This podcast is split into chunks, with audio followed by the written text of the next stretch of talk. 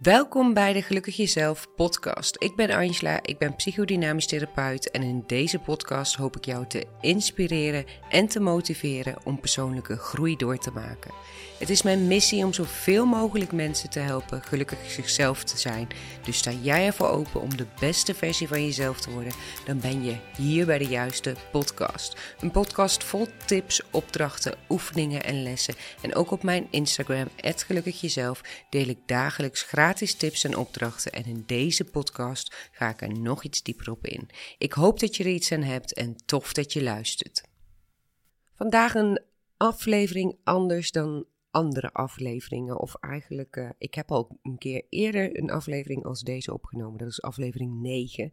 Want in deze aflevering ga ik weer vragen beantwoorden van jullie.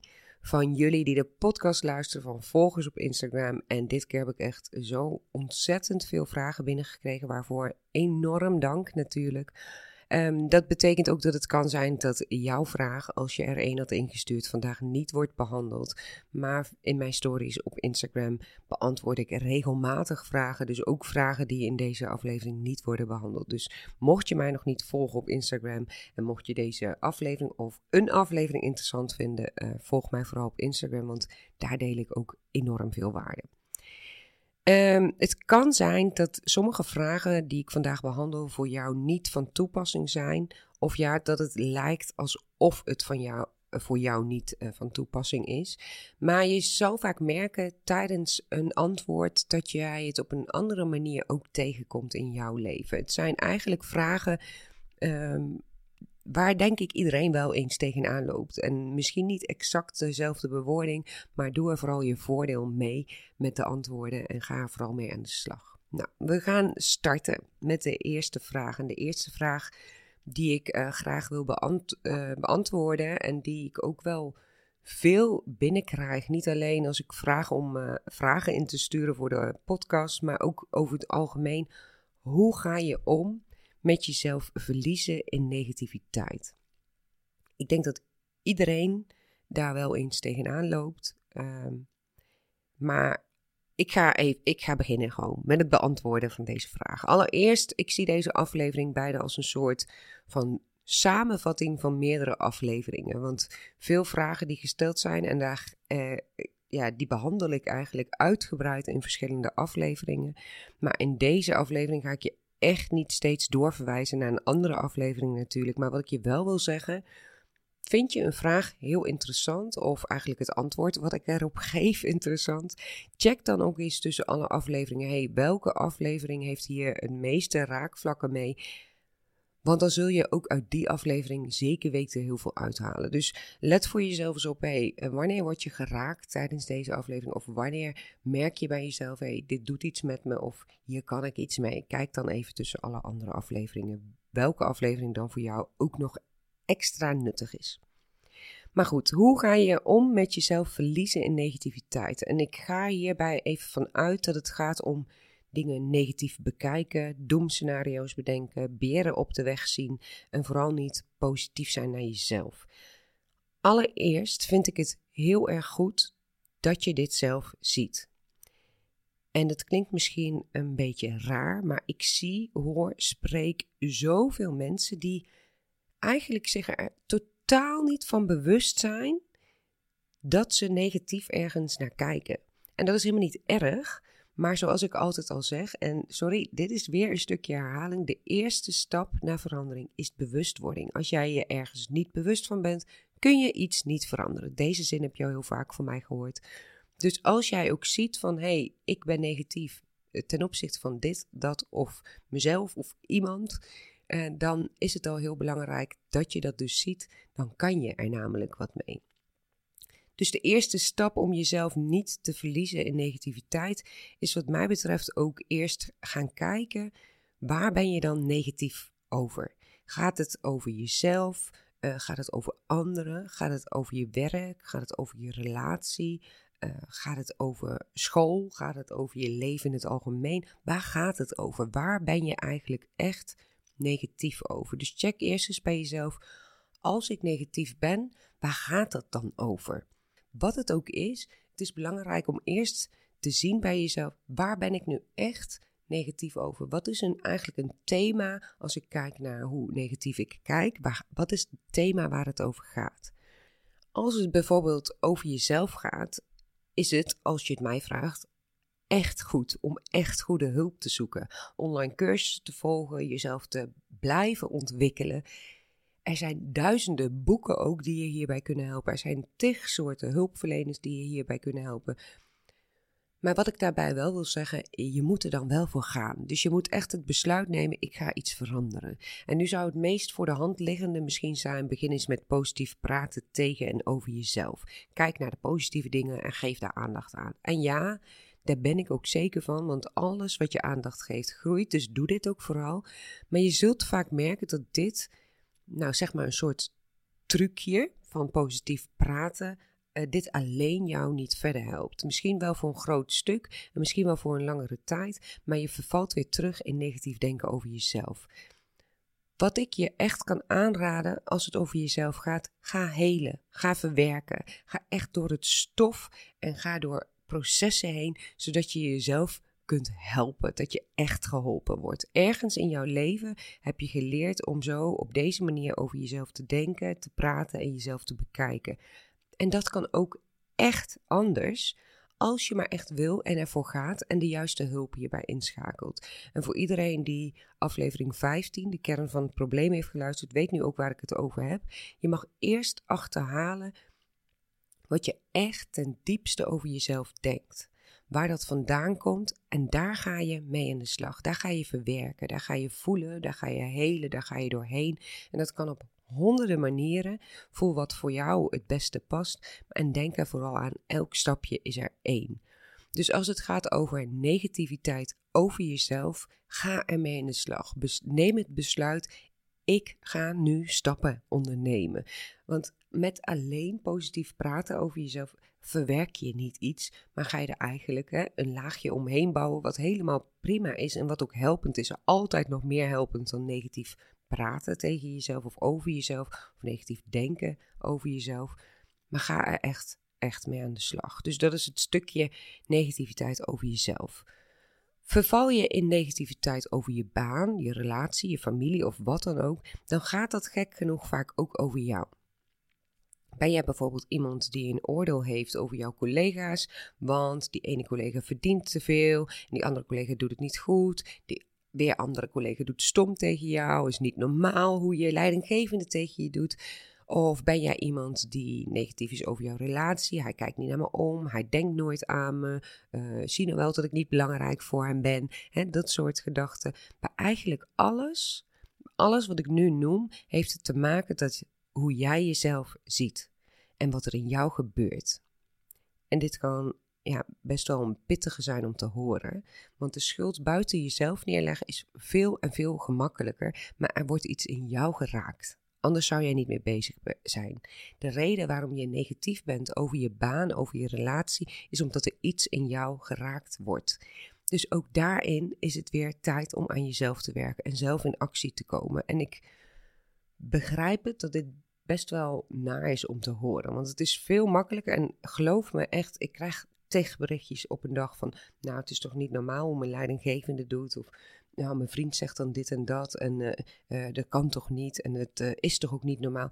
Ik kan dan wel antwoorden, ja, dat is ook niet normaal. Maar heb je helemaal niets aan. De schuld eigenlijk buiten jezelf neerleggen bij iemand anders neerleggen of bij je werk algemeen neerleggen of in je relatie of in je familie neerleggen, heeft totaal geen zin. Daardoor verandert er helemaal niets en ga je dus ook in die negativiteit hangen, want je wil eigenlijk de erkenning, ja, het is inderdaad heel erg en het is inderdaad heel verschrikkelijk en ga je dus eigenlijk nog meer in die negativiteit hangen. Terwijl als je het heft in eigen handen neemt en echt op gaat staan en het besluit neemt, hé, hey, dit wil ik niet meer ik wil dit anders, dan ga je met jezelf aan de slag en kun je ook merken dat dingen jou minder raken. Als ik naar mezelf kijk bijvoorbeeld, ja, dan merk ik dat over het algemeen dingen mij veel minder raken, omdat ik gewoon niet negatief, nou, niet, uh, niet altijd alleen maar positief, maar uh, niet zo negatief naar mezelf kijk.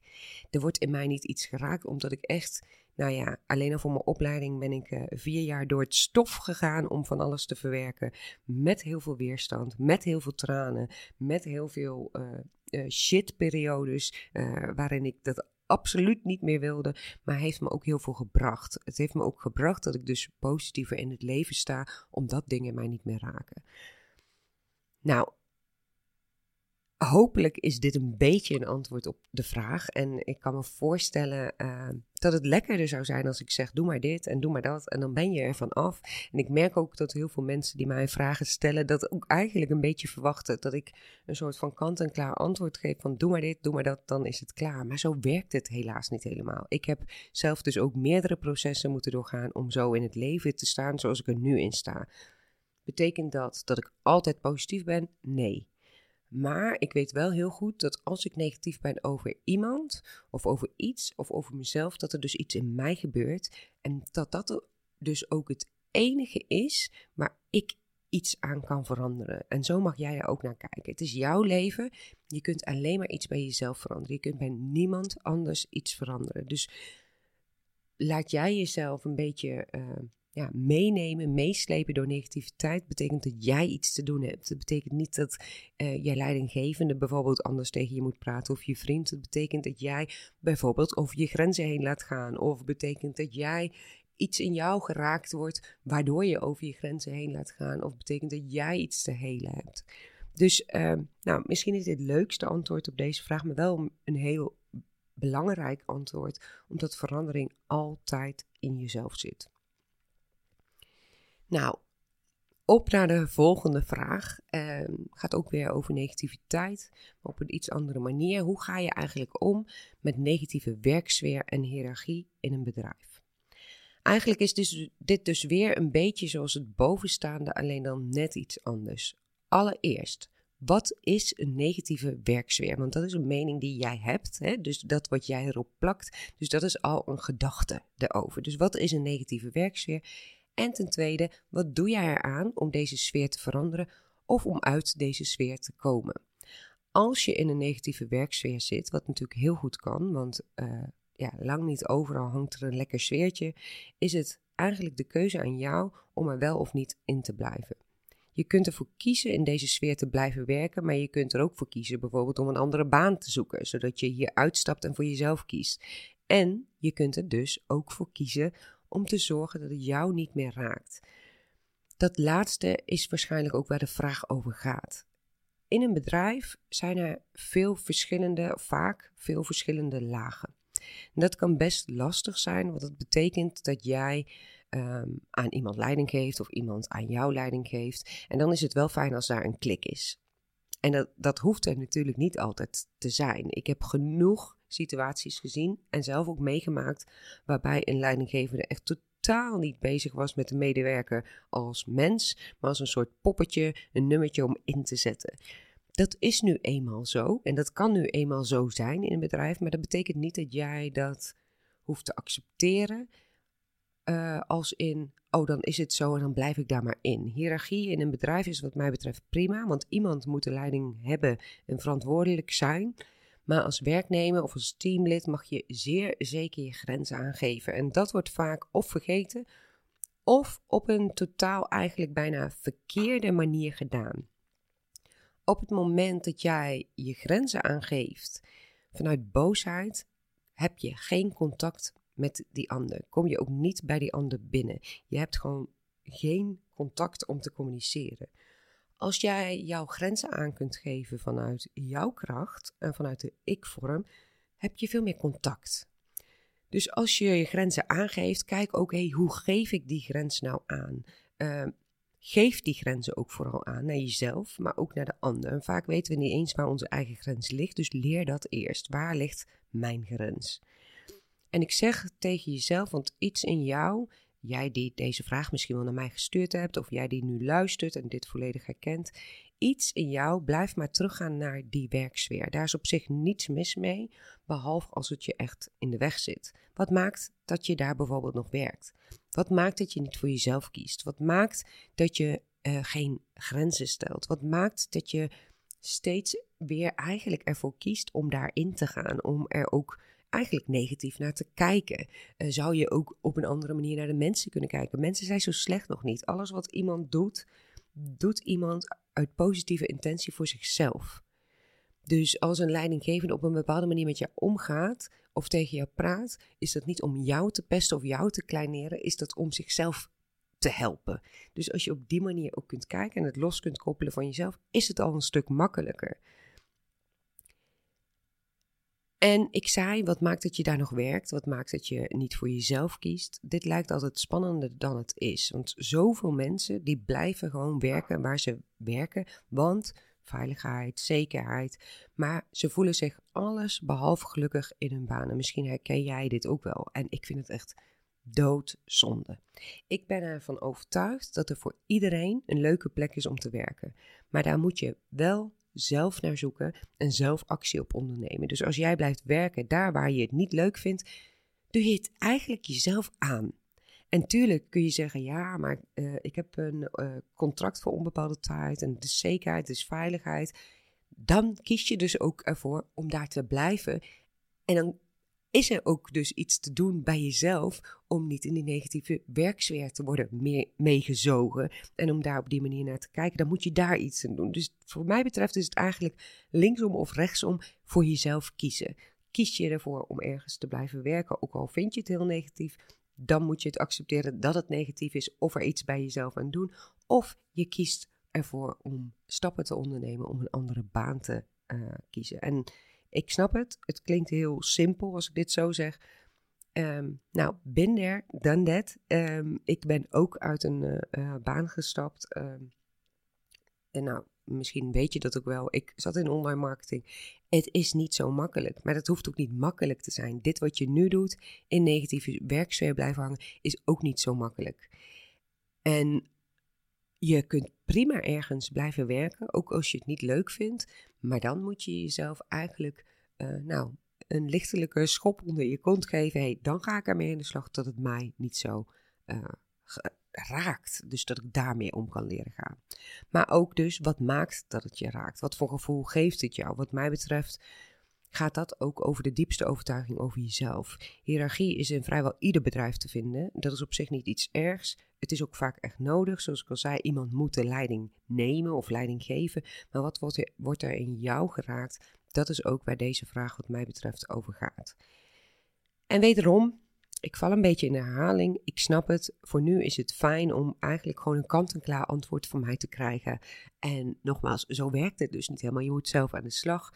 En ik wil je ook best wel een tip geven. Maar ik vind het ook belangrijk dat je, als je je hierin herkent, tot in je tenen laat doordringen dat dit jouw leven is. Wat doe jij jezelf aan om ergens te blijven werken of wat je niet leuk vindt of wat je niet fijn vindt of er daar niks mee te doen. Kom in actie, doe er iets mee. Het is jouw leven.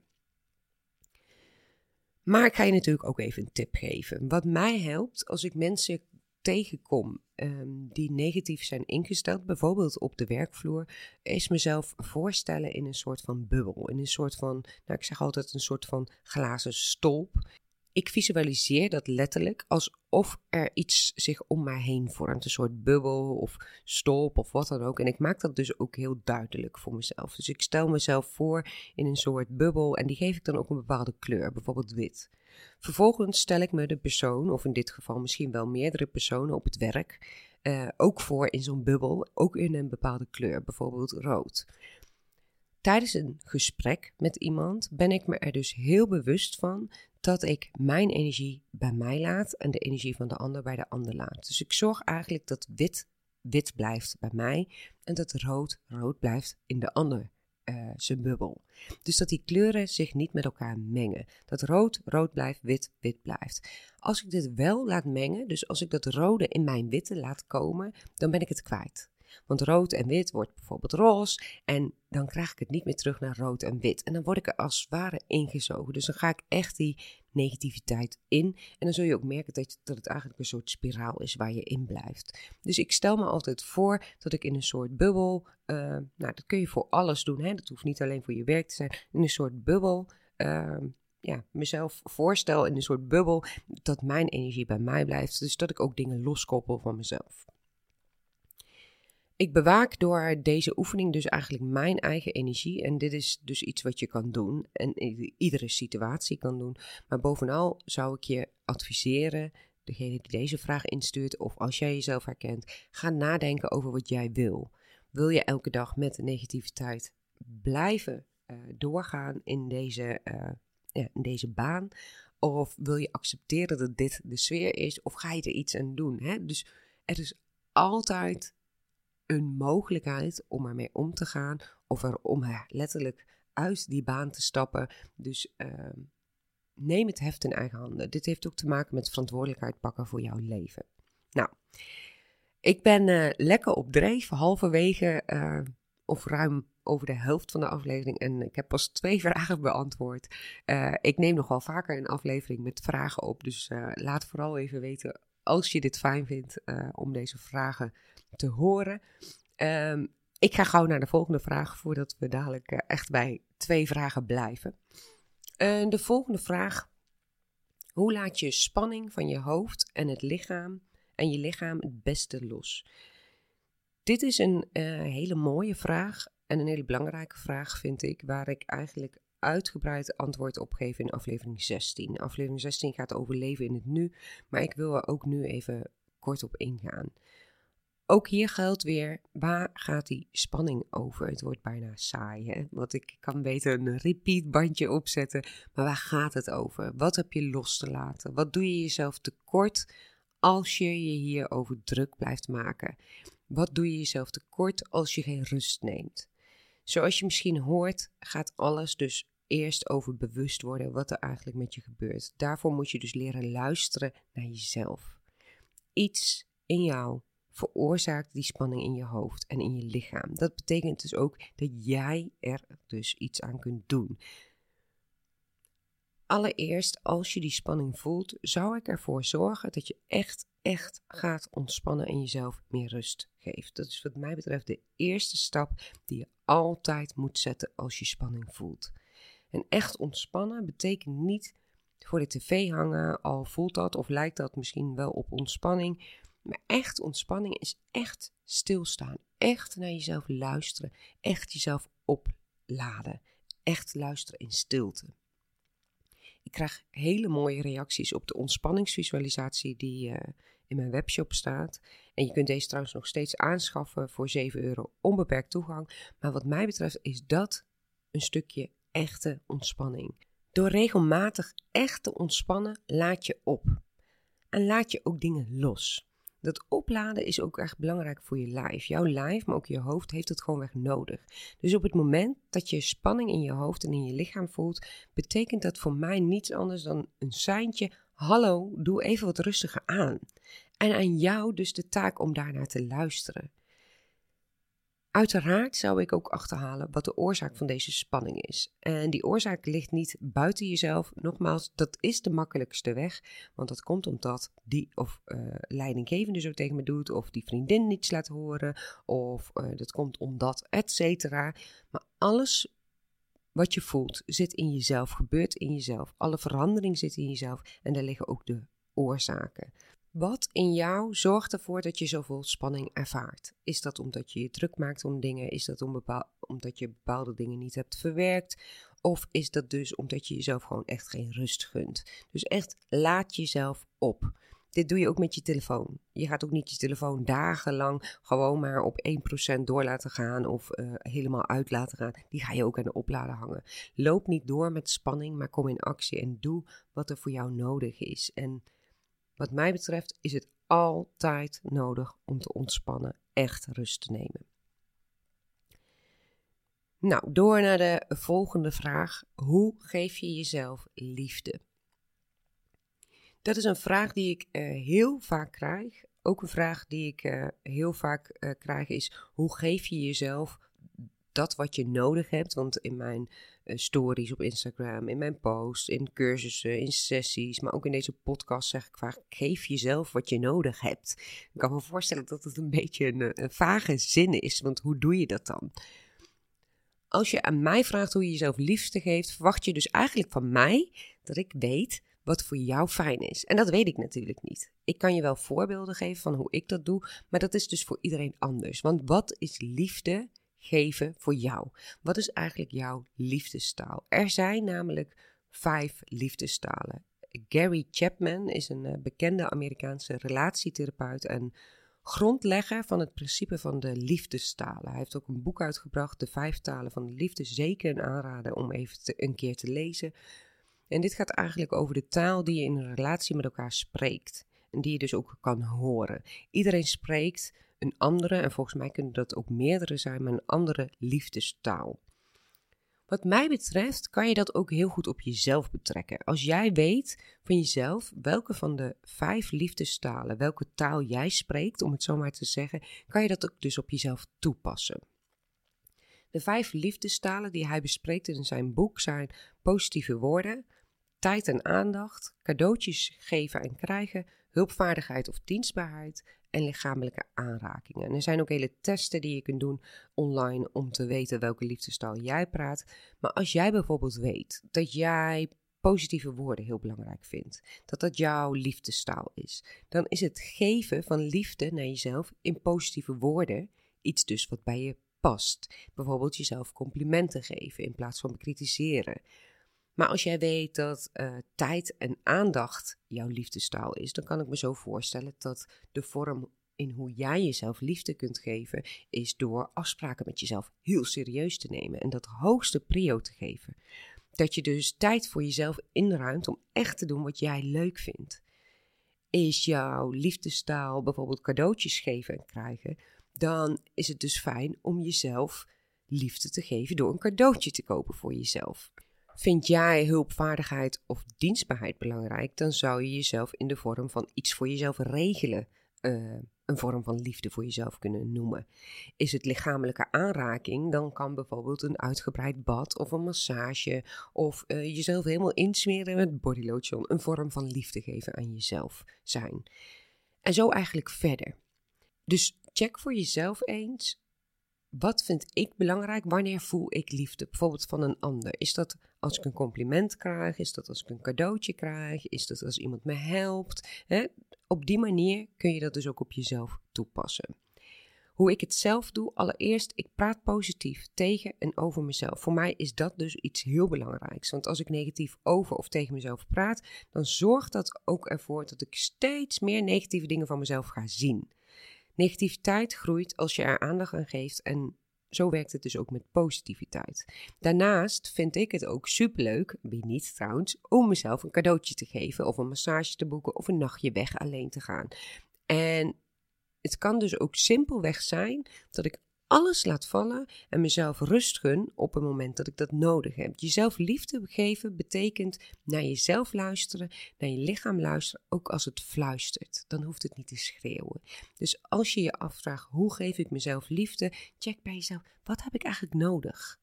Wat vind ik fijn? Vind ik fijn om iets te horen? Vind ik fijn om iets te voelen? Vind ik uh, fijn om iets te zien? Hè? Wat vind jij fijn om uh, als het gaat om liefde te ontvangen. En hoe kun je dat dus aan jezelf geven? Nou goed, de tijd vliegt. Ik heb een aantal vragen kunnen beantwoorden. Blijf ook vooral je vragen insturen. Ik zal nog wel vaker dit soort afleveringen maken. En ik zal die ook wel echt wel bespreken in uh, stories. En ben jij een inzender van een van deze vragen. Laat me vooral weten of jouw vraag is beantwoord. Is het niet jouw vraag, ben ik natuurlijk wel benieuwd of je hier ook wat aan hebt. En ik hoop vooral dat ik je in deze aflevering weer heb kunnen inspireren en motiveren met de antwoorden op deze vragen. En wil je nu direct aan de slag, dan kan dat natuurlijk in een van mijn online cursussen. Of check mijn Instagram, want daar deel ik dagelijks tips en opdrachten. Vond je deze podcast nuttig, dan wil ik je echt vragen om te delen op social media dat je hem hebt geluisterd of dat je hem luistert. Dan kunnen we samen nog veel meer mensen helpen. En het is echt mijn missie om zoveel mogelijk mensen te helpen. En dat kan alleen maar met jouw hulp, dat, jij het deelt. Dus doe dat vooral. Voor nu, dank je wel voor het luisteren. Super tof dat je er weer bij was. En hopelijk zie ik je weer terug bij mijn volgende aflevering.